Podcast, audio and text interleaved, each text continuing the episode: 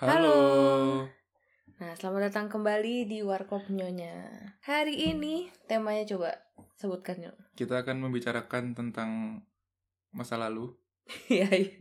Seperti yang di episode sebelumnya ya, Iya, sama masih, Masih sama. tentang pengalaman hidup. Ya. Adalah masa-masa emuku. Iya. Jadi ini sebenarnya terinspirasi dari em, aku ya. Mm-mm. Terinspirasi karena kamu sering ngatain aku emu. Iya betul. Jadi, sebelum kita masuk ke temanya Nyo, kita Iya. harus kasih tahu dulu nih sebenarnya kita nih angkatan tahun berapa sih? Oh iya. Iya. Jadi eh, kenapa penting? Karena untuk memberikan gambaran kepada pendengar kondisi zaman saat kita mengalami masa-masa emo itu. betul. Soalnya kan dalam kurun waktu 10 tahun terakhir eh, lompatan teknologinya jauh banget gitu. Ya. Jadi kayak sosial media terus smartphone segala macem jauh beda dibandingkan dengan pas zaman kita muda dulu gitu. Pas zaman kita muda dulu ya, Iya. kesannya udah tua banget Harus ya diberi memang. penekanan kan memang Bener. sudah lumayan lama kan. Iya, iya. Jadi aku eh, rada susah kalau aku bilang SD ku tahun berapa. Jadi aku selalu hitungnya mundur. Karena aku ingat tuh kelulusan SMA. Oke.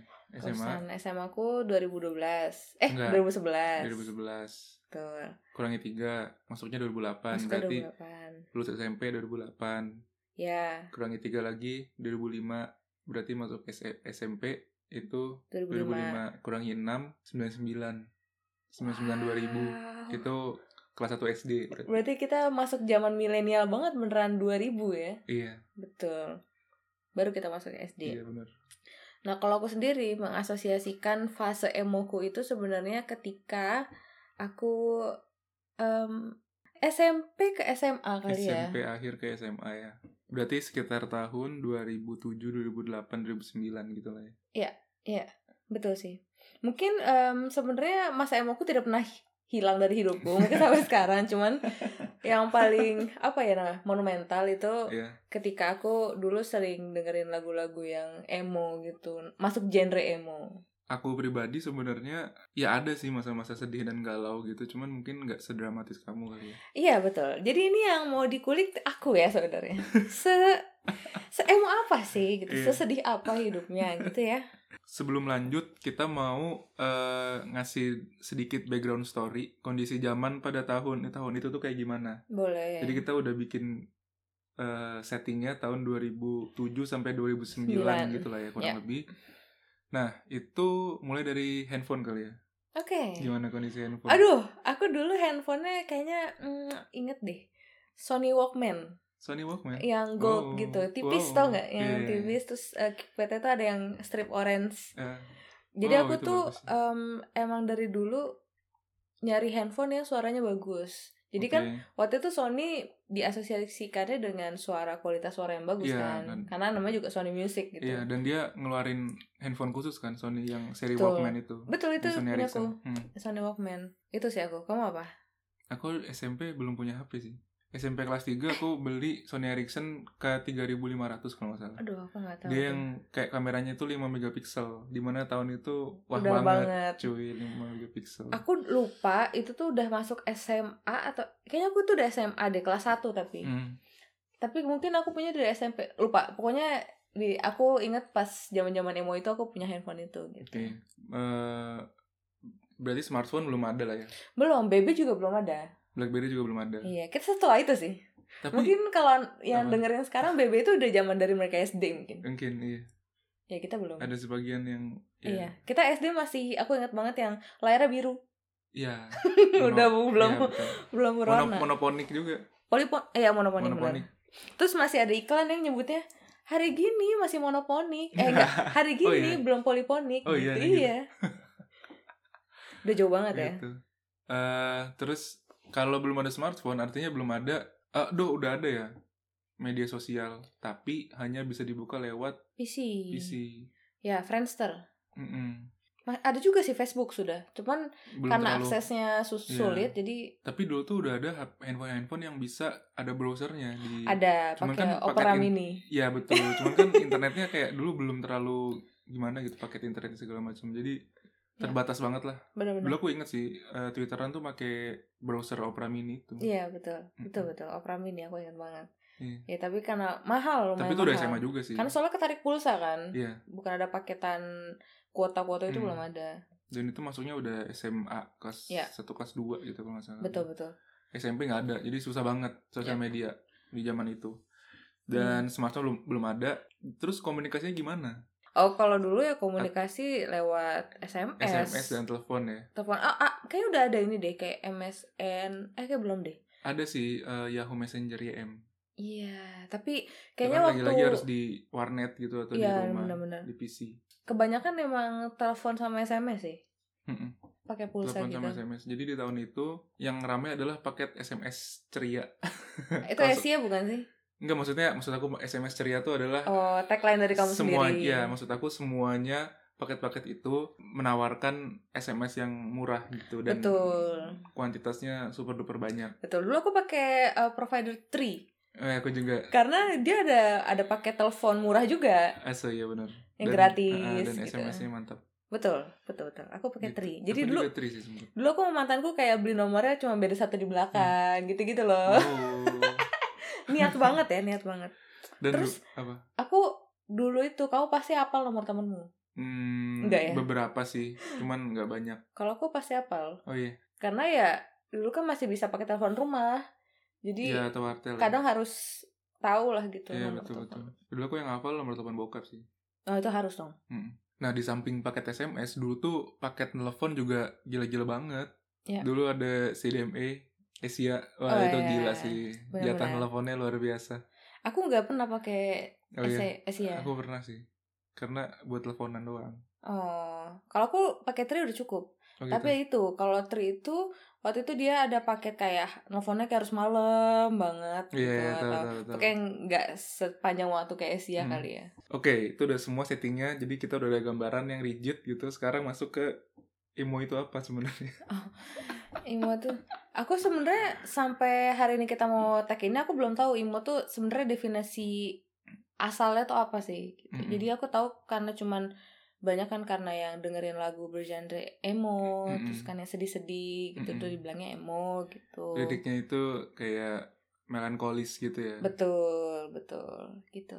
Tentang depresi dan patah hati.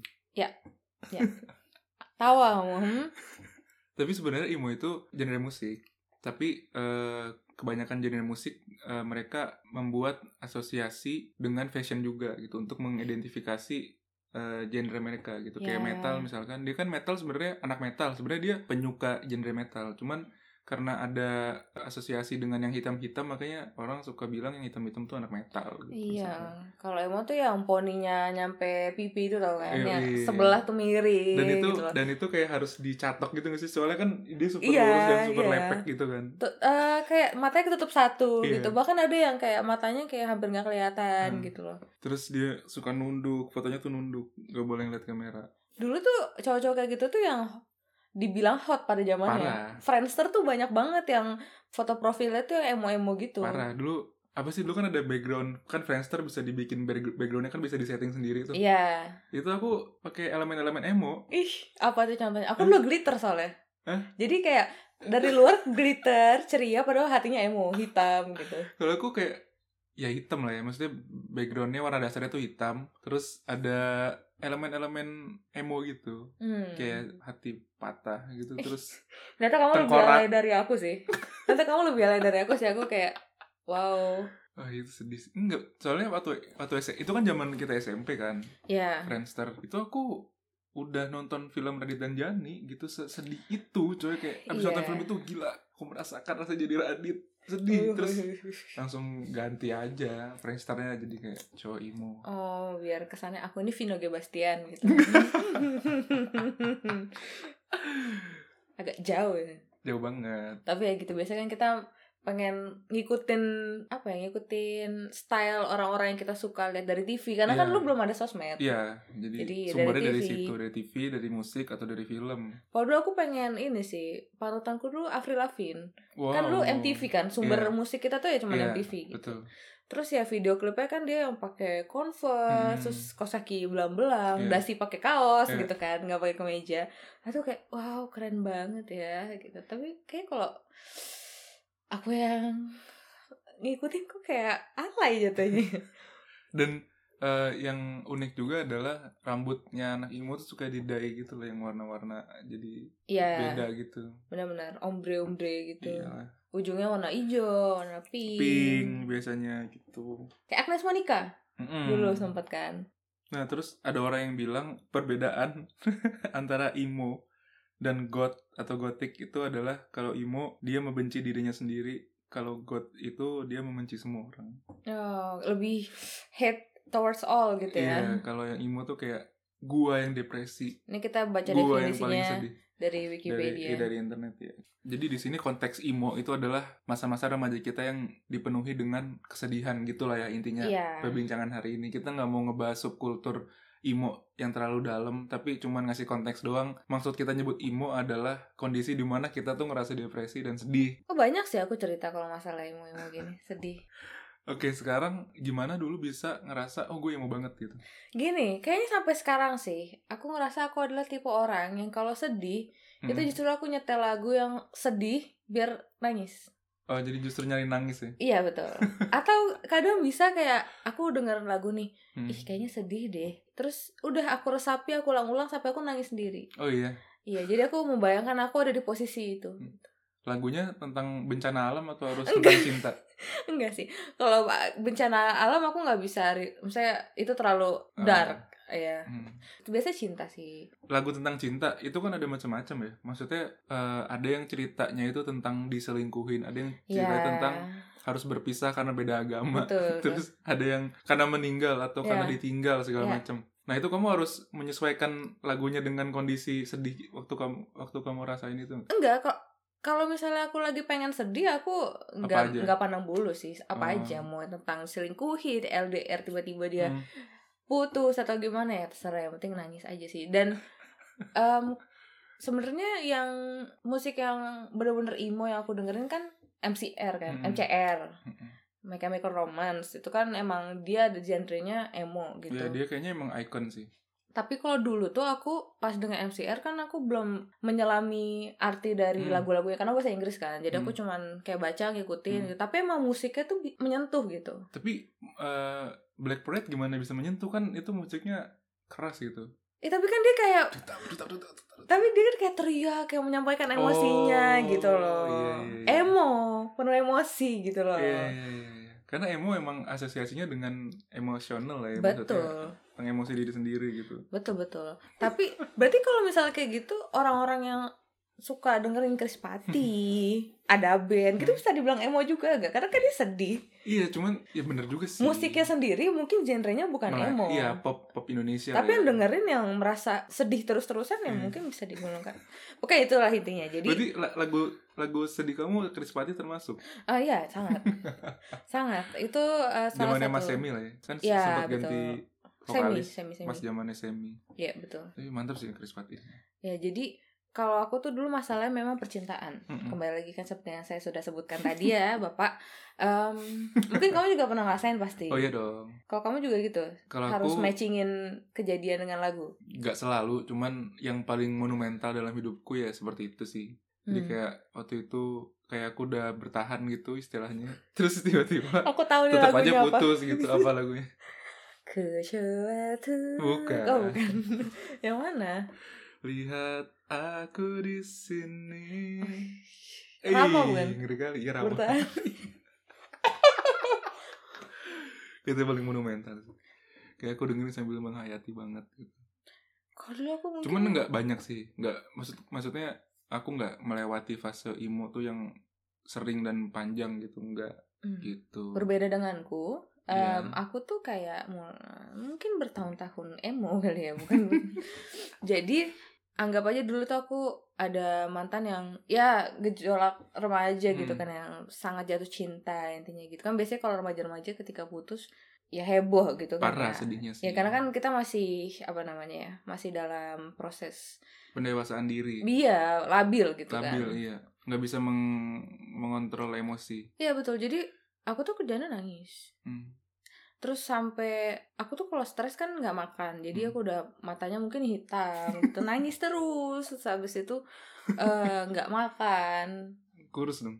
kur kamu kamu bisa tahu gak sih kalau teman kamu tuh lagi sedih kayak vibe-nya tuh nggak enak aja Iya, gitu iya, iya. nah itu aku Tapi tetap sekolah. Se- sekolah sekolah cuman ya sedih gitu loh. Kalau di rumah dia nangis. Sampai sampai waktu sempat aku putus kan terus ibu tuh sampai nulis surat terus dikasih di bawah bantalku gitu Hmm. ditulisnya kayak "Eh, ibu tahu kamu habis putus sama si ini em, ibu tahu kamu sedih kalau misalnya kamu nggak mau sekolah juga nggak apa-apa kok gitu.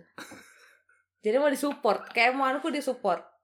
Bagus sih tapi. bagus bagus bagus kan emang aku seemo itu sih kamu mungkin bisa ketawa ya sekarang ya mungkin aku juga menertawakan diriku yang dulu gitu cuman Iya, sedramatis itu ya. iya dan aku kayak tipe orang yang kayak gimana ya, overthinking yang dengerin lagu nih dia kejadiannya kayak gini apakah ini akan terjadi kepadaku wah Oh kalau iya? terjadi kepadaku aku akan gimana ya jadi aku kayak ada theater of mind aku ngebayangin aku di posisi itu Iya. berantem gitu Iya. Dan eh, basisnya adalah lirik lagu berarti. iya Wow. Se separah itu sih emang terus em, kalau orang kan em, cerita waktu sekolah ada berantem sama teman Mm-mm, nongkrong. nongkrong bolos Iya, gitu ikut kan. ekskul. iya em, dispen ke mana Iya. ke mana gitu kan kalau aku ya patah hati sih Jadi highlight SMA adalah patah hati. betul gitu ketika orang lain matang dalam urusan berorganisasi Iya, kalau aku matangnya terlatih patah hati sih. hati patah hati. Jadi kamu bisa bisa meng- bisa menilai dong, misalkan ada orang kayak sharing pengalaman cintanya, terus kamu bisa bikin benchmark gitu dong. Ah ini masih cemen nih levelnya gitu bisa dong. oh iya jelas jelas Dia bisa menilai kisah cinta orang gitu. Ya, Karena saking variatifnya cer- cerita cinta kamu ya. Iya. Dari yang beda agama ada, Iya, ya kan, terus macam-macam Yang lah. terus ada juga ada nggak yang langsung anjir sedih banget nih gitu. Ada. Yang sampai se- sesedih itu gitu. Iya, yang aku sampai dibilang kayak mayat hidup. Pas temanku datang kan, ya Allah, Mega kayak mayat hidup, nama kurus, matanya hitam, gak ada semangatnya. Nggak makan berapa lama? Ya lupa sih aku bukan tipe yang sering makan soalnya. Hmm, Jadi emang bener-bener kurus mungkin berat lu kayak 40 gitu. orang apa beras bulog? Makanya kurus banget.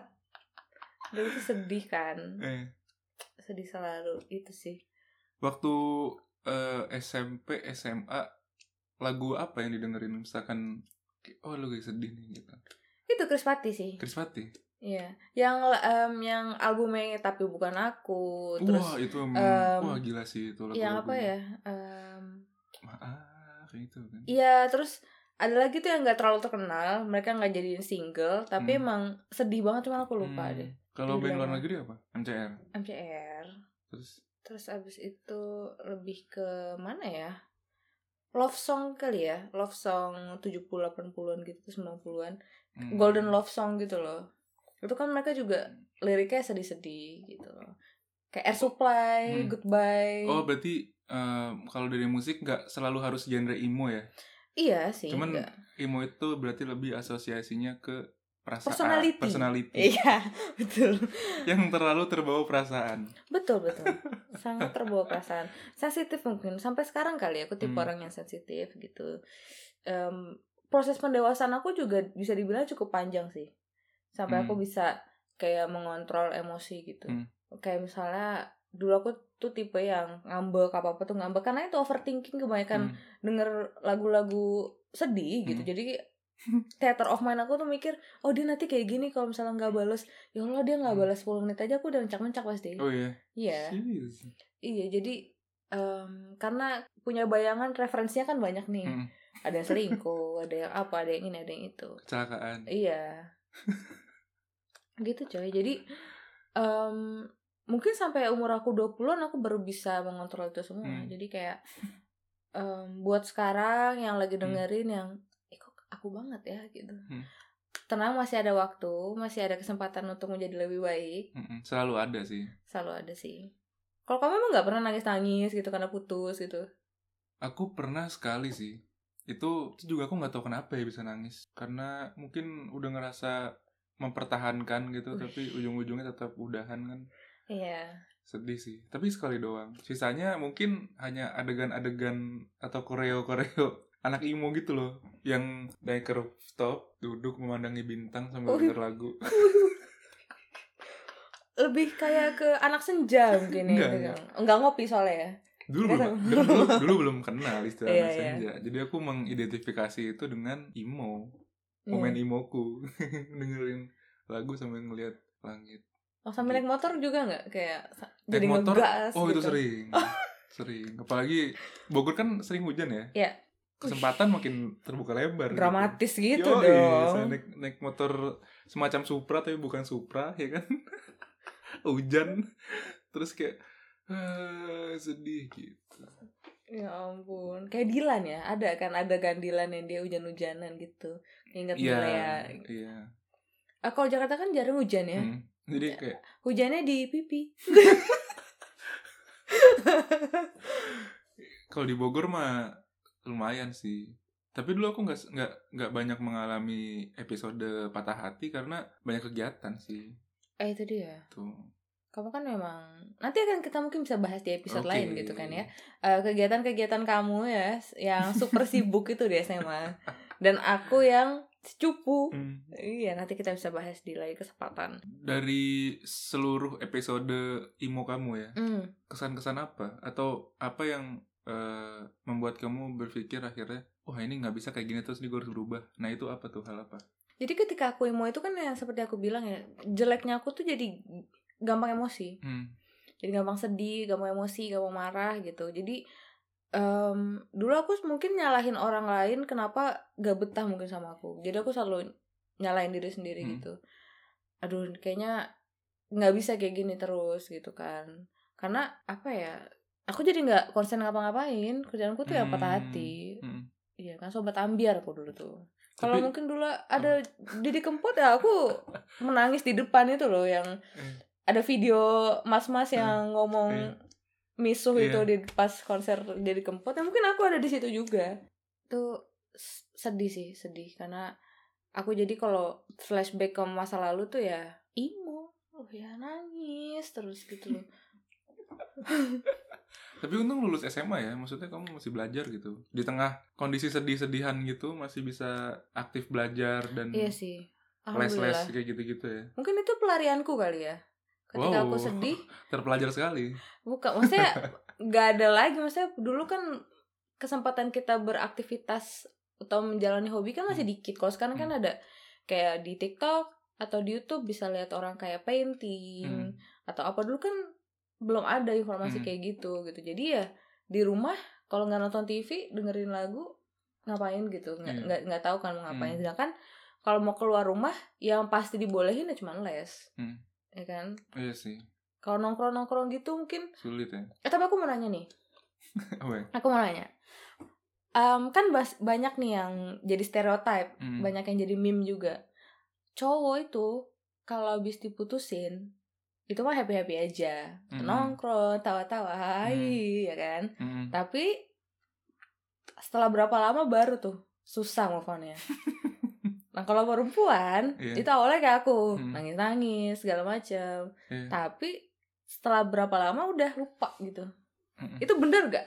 iya langsung Hmm. iya iya sih maksudnya sedikit banyak benar sih sedikit banyak benar walaupun aku nggak mau menggeneralisasi cuma sedikit banyak benar ketika cowok udah cinta tuh dia menggila gitu istilahnya apa aja diperjuangin gitu iya ada yang seperti itu walaupun nggak semua tapi ada walaupun sampai waktu yang lama gitu ya bertahun-tahun ada kayak gitu ada ya. yang eh, setelah putus ya udah bodo amat coy bodo amat gitu. Hmm.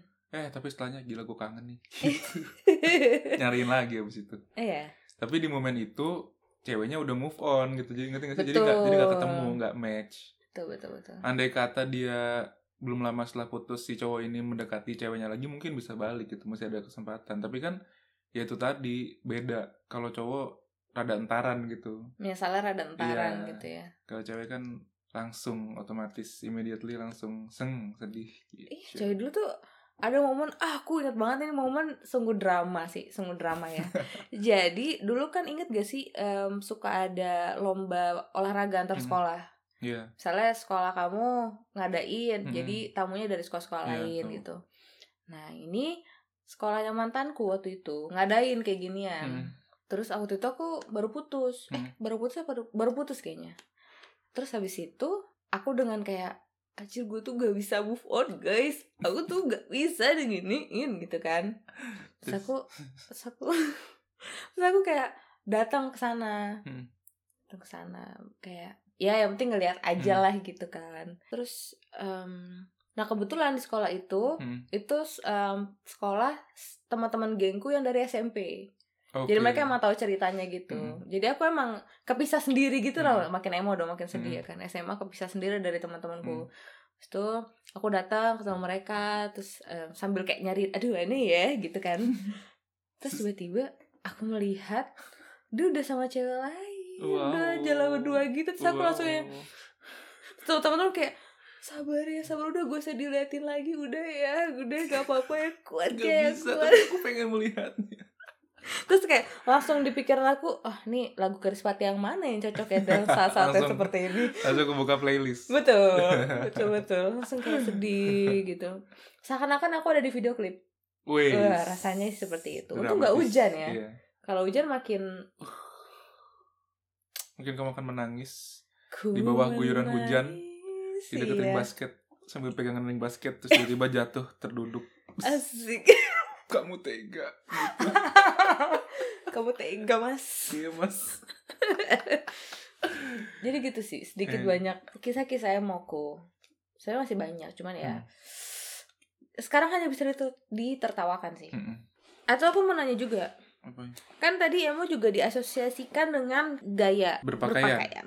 Aku mau nanya, apakah ada em, gaya berpakaian kamu yang sedikit-sedikit terinspirasi dari emo? Waktu SMP kan aku dengerin MCR juga. No. Nah, itu sempat pengen beli apa sih jas atau jaket jas ya kalian? jaket yang marching band itu kan? Iya, masih Aduh, iya, gila itu aku pengen Black banget Parade itu sih. gila sih itu kayak aduh kalau bisa punya yoi banget nih gitu.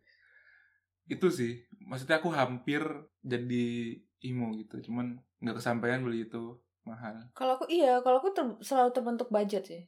Jadi jadi dulu kan emang investor kan orang tua ya kan. Mm-mm. Eh, terus gak pernah ngebolehin aku beli macam-macam Hmm. gitu. Dulu pas zaman modern darling Hmm. di upstairs aja aku upstairs. mau beli jeans warna-warni aja tuh nggak boleh. Jadi ketika temanku jeans warna merah, Hmm. kuning, hijau, aku celana pendek Ninja Turtle.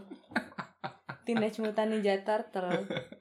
Se ya nggak seperma apa ya, nggak se semikirin itulah Hmm. gitu. Tapi emang itu jaket itu aku pengen banget. Terus kayak aku pakai pakai apa namanya spike spike tuh pengen banget, tapi nggak oh boleh iya, juga. iya, sempet rame juga sih. Kalau aku akhirnya berpakaian yang ya udah average gaya aja gitu, jeans, kaos. Eh, udah. Maksudnya gini deh sekarang, aku juga baru mikir sih. Kamu kan apa pesantren, gimana mau emo juga? Masa tiba-tiba datang-datang pakai celak gitu? Iya nggak mungkin. Nggak mungkin. Makanya Habis wudhu langsung kayak bleber ke mana-mana kan nggak mungkin. Enggak, enggak. Makanya biasa aja akhirnya. Ya terben- terpentok sih. Kalau misalnya mungkin aku lihat-lihatnya, em, misalnya youtuber-youtuber sekarang dia ngasih flashback dulu dia zaman Hmm. sekolah gitu. Itu ketika dia masuk fase emo tuh bener-bener yang all out gitu loh. Oh gitu ya. Mungkin karena Hmm. mereka pakai baju bebas kali ya. Kalau kita kan pakai seragam. Sekolahnya maksudnya. Mm-mm. Iya iya betul. Agak susah Mm-mm. gitu. Jadi kita nggak bisa all out. Hanya bisa eksperimen ketika weekend mungkin main ke Hmm, mall. Tapi kan ya lagi-lagi di samping cuma dua hari atau satu hari seminggu terpentok budget juga sih. Iya. Betul. Jadi aku Gitu. yakin di setiap generasi mau gen mau mau generasi kita maupun generasi yang sekarang itu masa remaja sangat erat kaitannya dengan kelabilan emosi. Iya pasti sih. Benar kan? Iya. Walaupun itu labelnya emo, mau itu dengerin lagunya emo atau dengerin lagunya rock atau Hmm.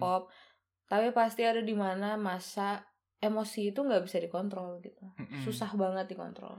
Meledak-ledak dan nggak bisa di manage dengan baik Betul. dan akhirnya berujung kebanyakan kepada ti- ketidakproduktifan artinya mengurung diri di rumah Iya. nggak bersosialisasi banyak nangis gitu Mungkin maksudku itu kali ya. Jadi aku mungkin sekarang baru sadar kenapa aku dulu anak keles karena ketika aku ketemu orang gitu em, bercanda atau apa aku tuh melupakan sebagian dari kesedihanku gitu. Hmm.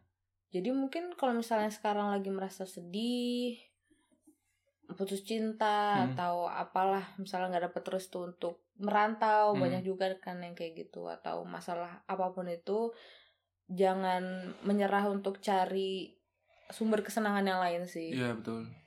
jangan sampai menutup diri dari semua hal gitu Iya. karena kan nggak baik juga Mm-mm. Karena cinta bukanlah segalanya sih. iya dan setelah aku pikir-pikir ya apa banget dulu gitu ngerti gak sih Mhm. tapi ya itu bagian dari ceritaku Iya, gitu satu yang episode kehidupan yang harus Betul. dijalani gitu. betul betul dan um, it will get better gitu Mm-mm. istilahnya dulu aku ngerasa apakah aku ditakdirkan untuk selalu sedih Ayo Gitu. mengapa aku berbeda? Ayah mengapa aku berbeda mengapa aku selalu menangis gitu tapi ternyata itu yang membuatku lebih terlatih kalau misalnya masalah-masalah emosi-emosi kayak Hmm. gini gitu Iya. Terima kasih sudah mendengarkan. Sampai jumpa di episode berikutnya. Dadah. Dadah.